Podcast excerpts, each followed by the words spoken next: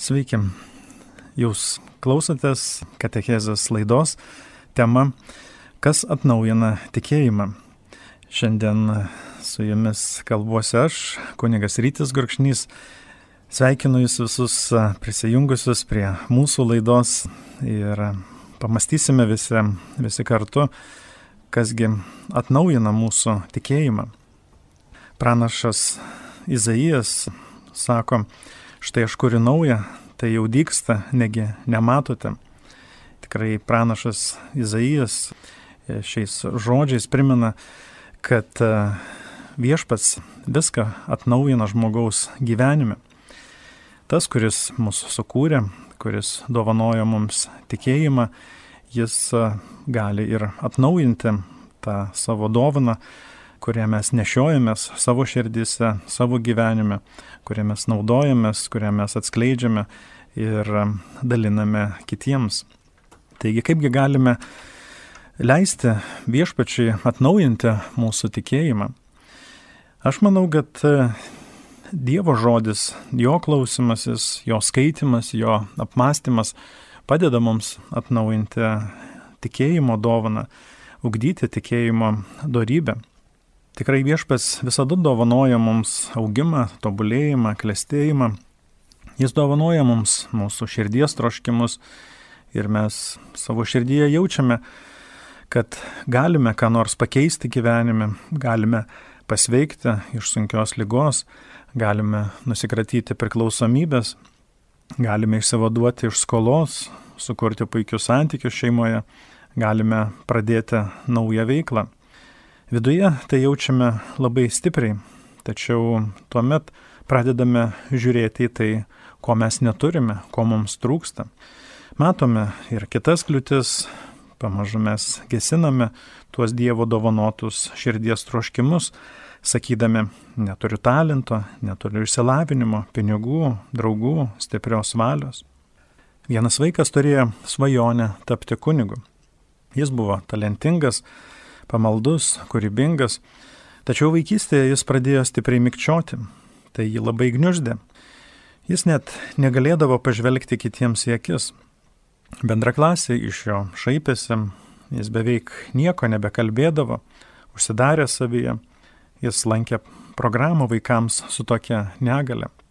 Specialistai vaikus tikrino su laikrodžiu, stebėdami, kiek laiko jiems užtrukdavo ištarti tam tikrus žodžius.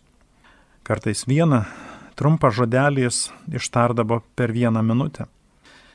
Jie bandė padėti šiam vaikui, bandė visokius gydimo būdus ir šiuolaikinius metodus, bet niekas negalėjo padėti. Šis vaikas nusprendė melstis, kartuodamas Dievę, jie negali man padėti, o tu gali man padėti. Tu sukūrei mano liežuvį, mano mintis. Ir Taip meldėsi šis vaikas ir ne tik meldėsi, bet kasdien pasislėpęs nuo visų skaitydavo šventai raštą balsu. Kartais jam užtrukdavo penkias minutės ištarti vienai švento rašto eilutį. Tačiau jis nepasidavė, nenusiminė, jis nuolat kartoja, viską galiu Kristui, kuris mane stiprina. Tai apaštalo Pauliaus žodžiai. Kasdien šis vaikas kovojo su neigiamomis mintimis, kurios jam sakė, tau nepavyks, niekada gražiai nekalbėsi, tu neįveiksi šios savo negalios, toks tavo likimas. Tačiau jis ištvermingai kovojo ir ištikimai tikėjo daugelį metų. Ir šiandien jis puikiai kalba. Jis vienos bažnyčios kunigas. Kiekvieną sekmanį pamokslauja didžiulėje bažnyčioje. Jis liudė ką Dievas, kad Dievas viską atnaujina. Medicinos mokslas taip pat tvirtina, kad žmonės su teigiamu požiūrį į gyvenimą, į save, į pasaulį pasveiksta greičiau už kitus.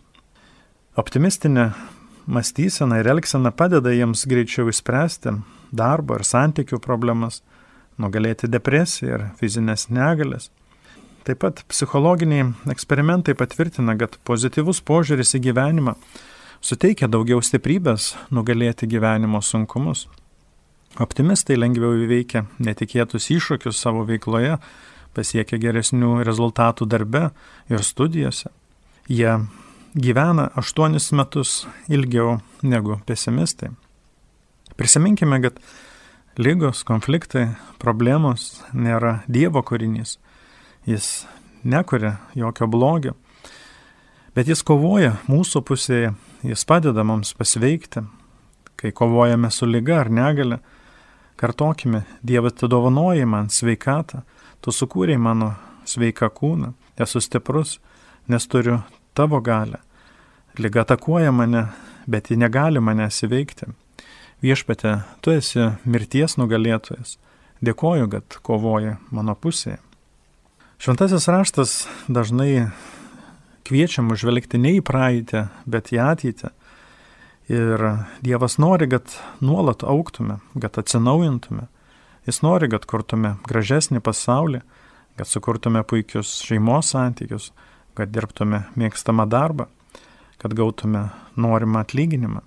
Jis nori, kad ir mūsų parapijų bendruomenės nuolat atsinaujintų, auktų, stiprėtų, klestėtų. Galbūt ir jūs patyrėte nesėkmių, netekčių, nelaimių. Gal gydytojas pranešė, kad sunkiai sergate. Gal sutoktinis neparodo pakankamai meilės ir pagarbos jums.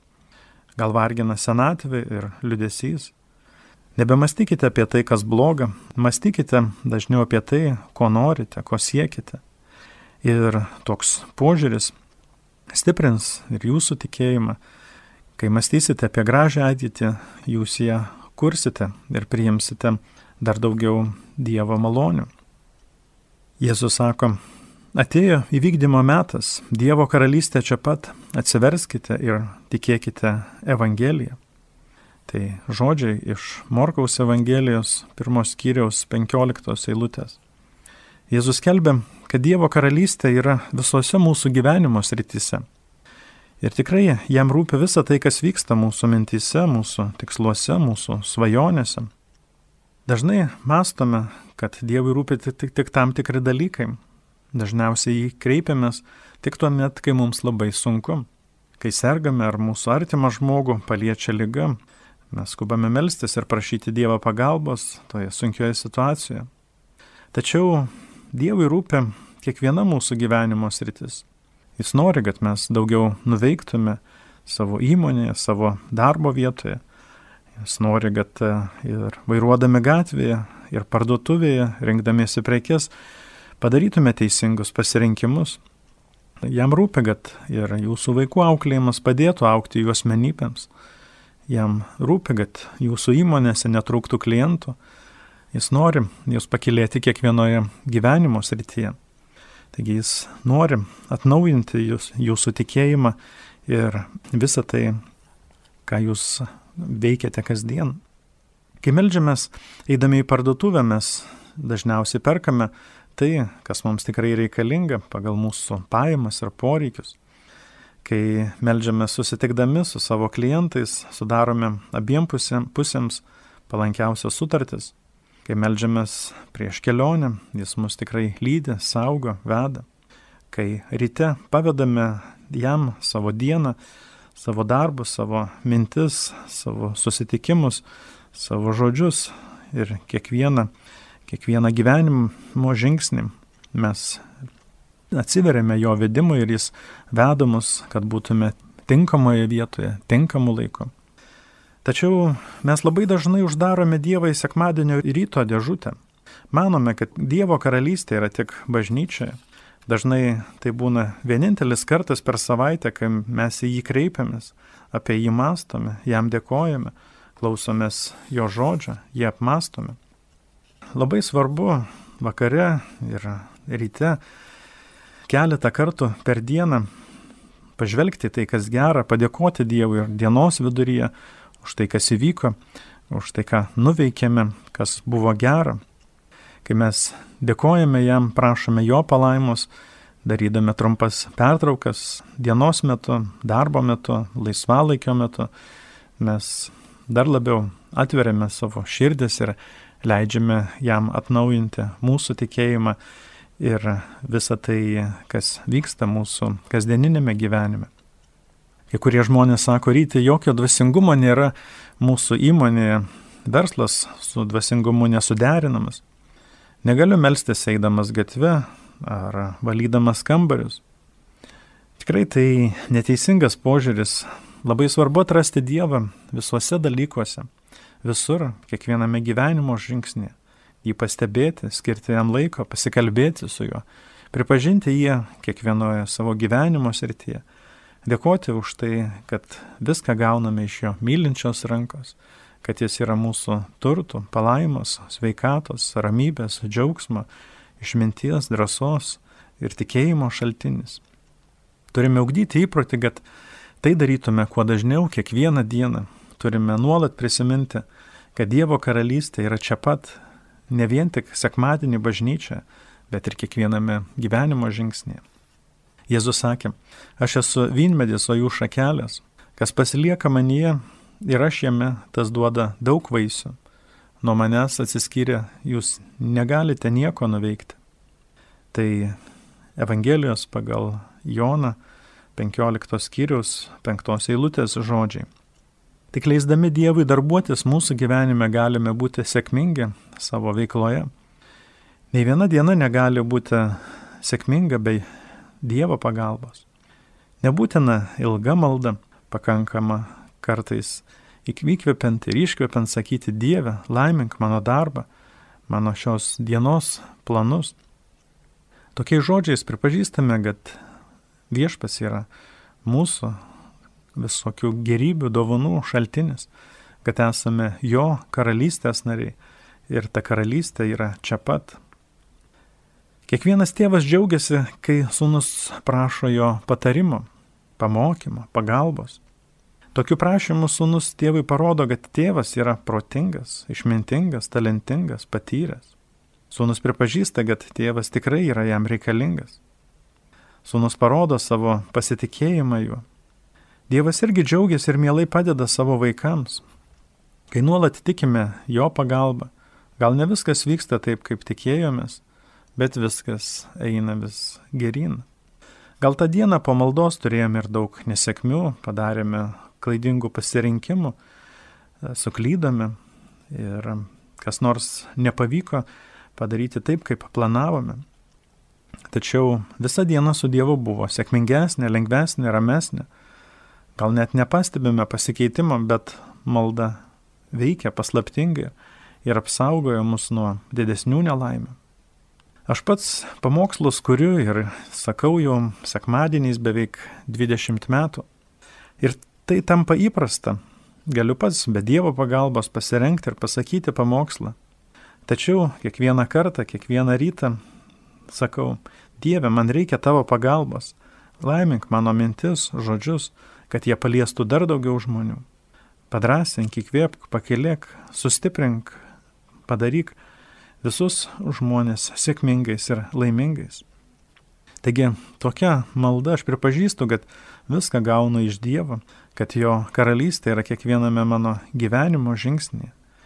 Aš atveriu jam savo širdį, savo gyvenimą ir leidžiu jam vesti mane tuo keliu, kuriuo eidamas galiu dar geriau tarnauti kitiems žmonėms. Ir tokia malda patvirtinu, kad tik su jo pagalba galiu tapti tuo, kuo jis mane sukūrė.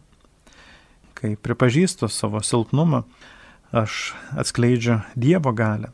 Kai prašau jo pagalbos, aš leidžiu jam atnaujinti ir savo tikėjimą ir daryti teigiamą įtaką visoms mano gyvenimo sritims, mano mintims, žodžiams ir darbams. Taigi kiekvieną rytą kuo dažniau kartokime Dieve, dėkoju už stiprybę, už tavo išmintį, už tavo vedimą. Dėkoju už nuostabę dieną, kurią tu man dovanoji. Tikiu, kad tai bus ir laiminga, ir sėkminga tavo palaiminta diena. Manęs laukia daug nuostabių dalykų, kuriuos tu esi man šiandien paruošęs. Priimu tavo stiprybę, tu esi mano jėgų, mano gerovės šaltinis. Mes žinome, kad vien tik talento neužtenka. Vienas krepšininkas, puikus žaidėjas pasakojo, kad prieš kiekvienas varžybas meldžiasi, užmerkia akis, Po kelis kartus įkvepia ir iškvepia, prašydamas ir priimdamas Dievo palaiminimą jo žaidime. Žinoma, ir po tokios maldos jis patiria ir traumų, ir pralaimėjimų, bet malda jam padeda dar labiau išnaudoti talentus. Jis meldžiasi sakydamas, Dieve, man reikia tavo pagalbos, tu esi mano viešpas ir mano vadovas. Dėkoju, kad esi su manimi. Taigi tokiais žodžiais, tokia malda jis parodo, kad jis priklauso Dievui. Jis leidžia kuriejui darbuotis jo širdyje, panaudoti jo talentus ir laimėti varžybas su Dievo pagalba. Jis, žinoma, gali gerai žaisti ir be Dievo pagalbos, neprašydamas jo palaimos, tačiau jis nusižemina. Jis sako, dėkoju Dieve už tavo talentus, už tavo jėgas, už tavo ištvirmę, už tavo palaimą. Visą tai gauna iš tavęs, visą tai tau priklauso. Tvarkyk mano gyvenimą, vesk mane teisingų kelių. Net ir tuomet, kai mums nesiseka, kai patiriame nesėkmes, mums lengviau jas priimti, pakilti, išvelgti naujas galimybės, kai pripažįstame, kad e, Dievas viską nuostabiai tvarko, kad jo karalystė yra čia pat, arti. Taigi, kuo dažniau melskime trumpomis maldomis, Dieve, man reikia tavęs, dėkoju už tavo gerumą, suteik man išminties sprendimuose. Ačiū, kad saugai mano šeimą, kad dovanoji man sveikatą. Dėkoju už tai, ką nuostabaus esi man paruošęs. Kai taip melžiamės, mes tampame ramesni, stipresni ir viskas klostosi geriau. Kai taip melžiamės kasdien, mes leidžiame Dievo karalystėje pripildyti ir mūsų šeimas, ir darbo vietas, ir banko sąskaitas, ir, ir sveikatą, ir santykius, ir kiekvieną mūsų gyvenimo žingsnį. Kai jam skiriame pirmą vietą savo kasdienybėje, jis mus veda į tas vietas, kur mes net nesvajojame būti. Jis laimina mūsų pastangas savo sėkme ir jis veda mus pačiu geriausiu gyvenimo keliu. Antras mano galbūt e, toks patarimas, kaip atnaujinti tikėjimą, yra prasmingų ir įkvepiančių tikslų siekimas. Apaštalas Petras bandė atkalbėti Jėzų nuo jo misijos pasaulyje. Ir Jėzus kartą subarė Petrą, sakydamas, tu mastai ne Dievo, bet žmonių mintimis. Tai Evangelijos pagal Mata 16 skyriaus 23 eilutė. Mes e, tikėjimą atnaujiname, kai gyvename pagal didesnę viziją, kai siekiame didesnių, prasmingų tikslų, tų tikslų, kurie mus įkvepia, drąsina, uždega, padeda mums dar labiau atskleisti talentus, e, savo jėgas, išminti, visą tai panaudoti vykdant mums skirtą užduotį šiame gyvenime. Tačiau šiandien sutinkame nemažai nusivylusių ir kenčiančių žmonių, kurie mano, kad jau jie pasiekė savo aukščiausią gyvenimo pakopą. Jie mano, kad jau pasiekė savo žmogiškųjų galimybių ribas. Jie nebesiekia didesnių tikslų, nes jie įsitikinę, kad jie negali būti sveiki, negali būti sėkmingi, negali būti laimingi. Jie kartoja, nebeturėsiu geresnės veikatos, mano šeima nebesusitaikys, mano sutoktinis nebus labiau mylintis žmogus, nerasiu geresnio darbo, neturėsiu daugiau ramybės ir džiaugsmo gyvenime. Ir jie yra teisūs, nes gyvenime gali kas nors pasikeisti tik tada, kai mes kūrėme didesnę viziją, kai mastome ne žmonių, bet Dievo mintimis, kai siekiame didelių ir prasmingų tikslų, kai siekime išnaudoti visas Dievo dovanas, talentus, visą tą potencialą, kuris, kuris mums duotas. Jaunas jezuitas šventasis Stanislavas Kostka sakė, esu gimęs didesniems dalykams. Šiais žodžiais jis mums primena, kad turime kasdien gyventi pagal didesnę viziją, kai norime daugiau pasiekti, sukurti daugiau įspūdingų kūrinių, atlikti daugiau tarnavimo darbų, palikti prasmingą palikimą kitoms kartoms. Mes turime kasdien gyventi pagal didesnę viziją. Turime kartoti, tikiu, kad surasiu geresnį darbą, įsilaisvinsiu skolų ir priklausomybės. Tikiu, kad susirasiu mylimą žmogų. Ir toks tikėjimas ir tokia vizija atsispindi mūsų maldoje, mūsų mintise, mūsų žodžiuose ir tai daro labai stiprią įtaką ir mūsų veiksmams, mūsų pasirinkimams, mūsų darbams ir kiekvienai mūsų gyvenimo sričiai. Nuo pat vaikystės viena mergaitė vardu Tara svajojo tapti Miss America grožio konkurso nugalėtoja. Savo valstijoje 1994 metais ji laimėjo Miss Florida konkursą.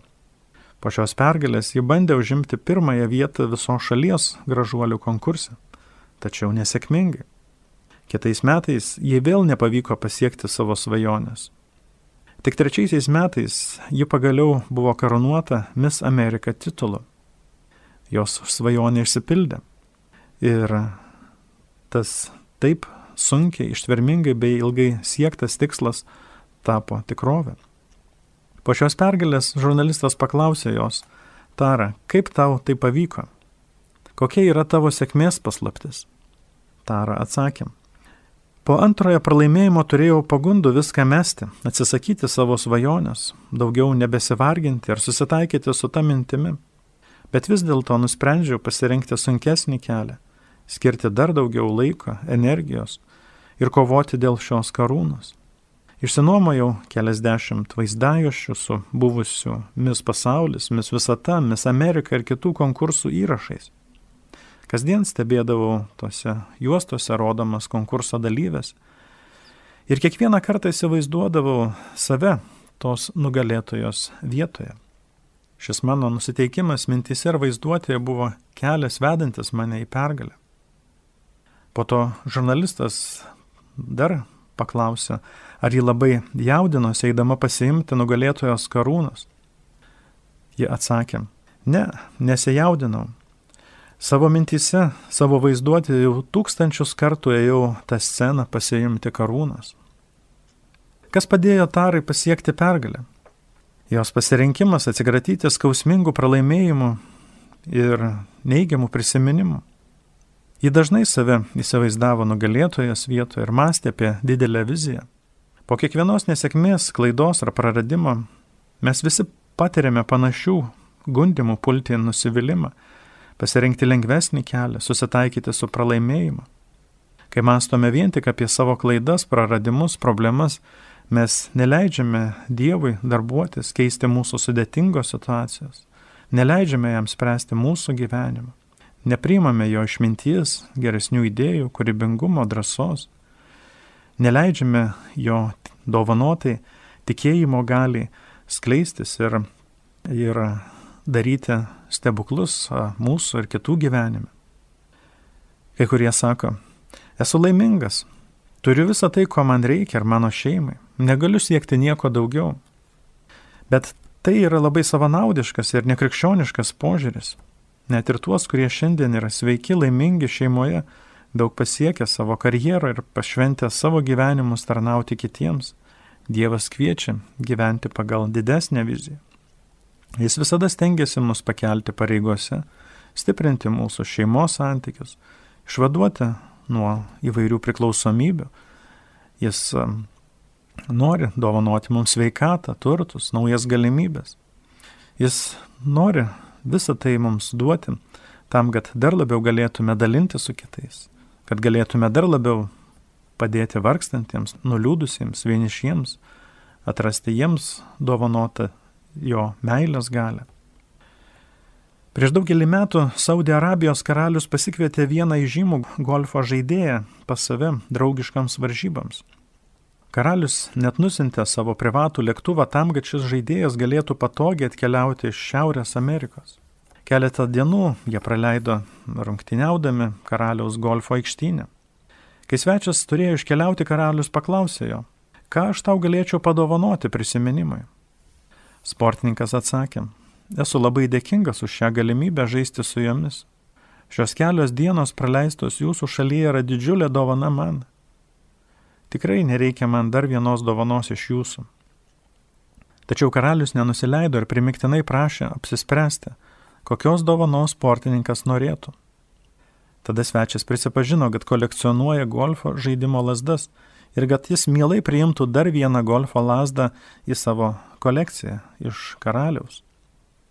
Grįžęs namo sportininkas laukia dovanos, tikėdamasis, kad karalius atsiūs jam tauriaisiais metalais ir brangakmeniais papuoštą golfo lasdą. Po kelių savaičių jis labai nustebo pašto dėžutėje radęs laišką nuo karaliaus. Atplėšęs ir perskaitęs, jis dar labiau nustebo, nes tai buvo dokumentas, kuriuo karalius dovanoja jam didžiulį ir brangų golfo aikštyną įrengtą netoli sportininko namų. Geriausi karaliai, prezidentai, vadovai, šventieji ir kiti sėkmingi ir daug gyvenime nuveikę žmonės turi tokį mąstymą. Jie gyvena pagal didesnę viziją, siekia kilnesnių tikslų, kelia aukštesnius reikalavimus savo ir kitiems, siekia dalintis dovanomis su kitais daugiau negu iš jų tikimas ar prašoma. Mes krikščionys tikime Dievą, kuris yra galingesnis ir didesnis už visus mūsų vadovus ir karalius. Mes sekame Kristų, kuris yra karalių karalius. Jo dovanotos svajonės ir vizija siekia daug daugiau, negu mes galime įsivaizduoti. Kai norime atnaujinti savo tikėjimą, stenkime gyventi pagal didesnę viziją. Kasdien maldoje kartokime, Dieve dėkoju, kad mane pakvietė į šį pasaulį ir laimini mane. Žinau, kad tau nėra negalimų dalykų, todėl tikiu, kad mano sveikata pasitaisys, mano verslas bus pelningas, mano šeima susitaikys, surasiu geresnį darbą, įsilaisvinsiu iš skolų. Tikiu, kad atsikratysiu žalingos priklausomybės, sukursiu šeimą. Jei taip gyvensime, taip mąstysime, taip melsimės, taip kalbėsime, tuomet mes leisime Dievui dar labiau veikti mūsų kasdienybėje leisime jam dar labiau laiminti mus. Jei padarysime savo darbą, jis tikrai atliks savo darbo dalį. Jis parodys savo gerumą dar gausesniais malonės turtais. Ir trečias dalykas, kas atnaujina tikėjimą, yra bendruomenės palaikymas. Mūsų tikinčiųjų bendruomenė, kurie meldžiasi, kasdien meldžiasi, kurie susirenka kiekvieną sekmadienį bažnyčioje. Ir šventoji komunija, kuri mus maitina, kuri mus stiprina, jie irgi atnaujina mūsų tikėjimą. Taigi tikėjimą atnaujina mus palaikanti bendruomenė ir šventoji komunija. Jėzus sako, aš esu gyvoji duona nužengusi iš dangaus, kas valgys tą duoną, gyvens per amžius. Tai Evangelijos pagal Joną šeštos skyriaus penktą eilutę. Priimdami Kristaus kūną ir kraują mes švenčiame ypatingą Dievo artumą gyvenime. Priimdami jį, priimame mes ir amžinai gyvenimą, kuris mus jau dabar paliečia ir keičia. Priimdami Jėzų mes priimame Jo malonės, Jo dovanas. Mes priimame visą tai, ko mums dabar reikia šiame gyvenime. Ir toks tikėjimas leidžia mums atverti savo širdis dar didesnį Dievo palaimai mūsų santykiuose, mūsų sveikatoje ir mūsų darbuose. Viena moteris nusprendė numesti kelis kilogramus ansvorę, nusipirko labai gražią ir brangę suknelę, tačiau dviem dydžiais mažesnė. Ta diena ji negalėjo apsirengti tą suknelę. Ja pasikabino ant sienos prie veidrodžio ir kelis kartus per dieną ji pažvelgdavo į tą suknelę ir kartojo. Vieną dieną aš apsirengsiu šią suknelę. Dėkoju tau Dieve, kad mane globoja, laimini ir stiprini. Ir ji meldėsi net keletą savaičių ir keletą mėnesių, atkakliai siekia šios savo svajonės, šio tikslo. Kasdien meldėsi panašiais žodžiais. Po kelių mėnesių jie apsirengė šią suknelę jai pavyko pasiekti šį savo tikslą, nes jie ne tik tikėjo, bet ir konkrečiais darbais, žingsniais rodė savo tikėjimą. Savo požiūrį ir savo veiksmais mes sukūrėme tai, ko siekiame, apie ką svajojame. Mes sukūrėme tai, ko tikimės, Mūsų tikėjimas veikia mūsų veiksmus, mūsų gyvenimą. Taigi neplanuokime lygos, nesėkmės, skolos, priklausomybės. Planuokime sveiką, turtingą, ramų, šventą gyvenimą. Vienas jaunas vyras po autoavarijos patyrė abiejų kojų traumą. Abi kojos buvo sulaužytos. Po operacijos jam gydytojai sakė, kad jis negalės niekada bėgioti. Jie abejojo, ar jis galės kada nors vaikščioti. Išėjęs iš ligoninės, grįžęs į namus, neįgalioje vežimėlėje, jis pirmiausiai iš savo namų nuvyko į sporto klubą ir ten užsiregistravo. Žinoma, jis net kelis mėnesius negalėjo ten nueiti, sportuoti. Ir jis, žinoma, galėjo pasiduoti liūdnoms mintims, susitaikyti su esama padėtimi. Bet jis tikėjo Dievo gydančią galę, jis rengėsi tai dienai, kai galės vaikščioti ir bėgioti. Kiekvieną sekmadienį dalyvaudavo šventosiuose mišiuose, pamaldose, meldėsi kartu su kitais bendruomenės nariais ir stiprino savo tikėjimą toje bendruomenėje ir priimdamas yra Jėzų per šventąją komuniją į savo gyvenimą, priimdamas ir jo gydančią galę. Praėjo keletą metų ir jis pradėjo vaikščioti, nuėjo ir į sporto klubą, pradėjo treniruotis, bėgioti. Šiandien jis greitesnis ir už mane. Taigi medicina niekada nepasako paskutinio žodžio. Turime klausyti ne tik gydytojų nuomonės, bet ir Dievo balso, jo žodžio. Paklausykime kuo dažniau, ką jis mums sako. Ir jis tikrai mus stiprina, mus moko, Jis mus maitina savo kūnu ir krauju, kuris duoda visą tai, ko mums reikia. Taigi Dievo žodis yra Kristaus kūnas ir kraujas mus maitina, stiprina, gydo, keičia. Nežinau, kokios jūsų svajonės jūsų gyvenime, bet aš dažnai mastau ir kartoju, planuoju dar mažiausiai bent 40 pilnų metų kurti pamokslus, kalbėti apie gyvenimo laimės ir sėkmės principus įkvėpti, drąsinti, ugdyti kitus. Planuoju dar bent 40 metų stiprinti kitų tikėjimą, toliau kurti tikėjimo namus, kurie dar labiau uždegtų pasaulį, Dievo neribotą meilės galę. Neplanuoju 10 paskutinių metų lygotos senatvės. Planuoju puikiai atrodyti, kai būsiu 80 metų amžiaus. Planuoju ir toliau sakyti anegdotus ir gyventi sveiką, turtingą, linksmą ir visokių malonių kupiną gyvenimą. Prisiminkite Adomą ir Jėvą. Jie tikrai buvo nusivylę, kai jų sunus Kainas nužudė savo brolį Abelį. Tačiau jie žvelgia ne į praeities netektis, bet į naujas galimybės. Jėva sakė, Dievas parūpino man kitą palikonį vieton Abelio, kadangi Kainas jį užmušė. Tai jos žodžiai iš pradžios knygos ketvirtos skyriaus 25 eilutės. Jie susilaukė trečiojo sūnaus, jie gavo tai, ko jie neteko praeitie. Gal patyrėte nesėkmių, netekčių, nelaimių, žinokite, kad Dievas sėja naujas sėklas jūsų gyvenime.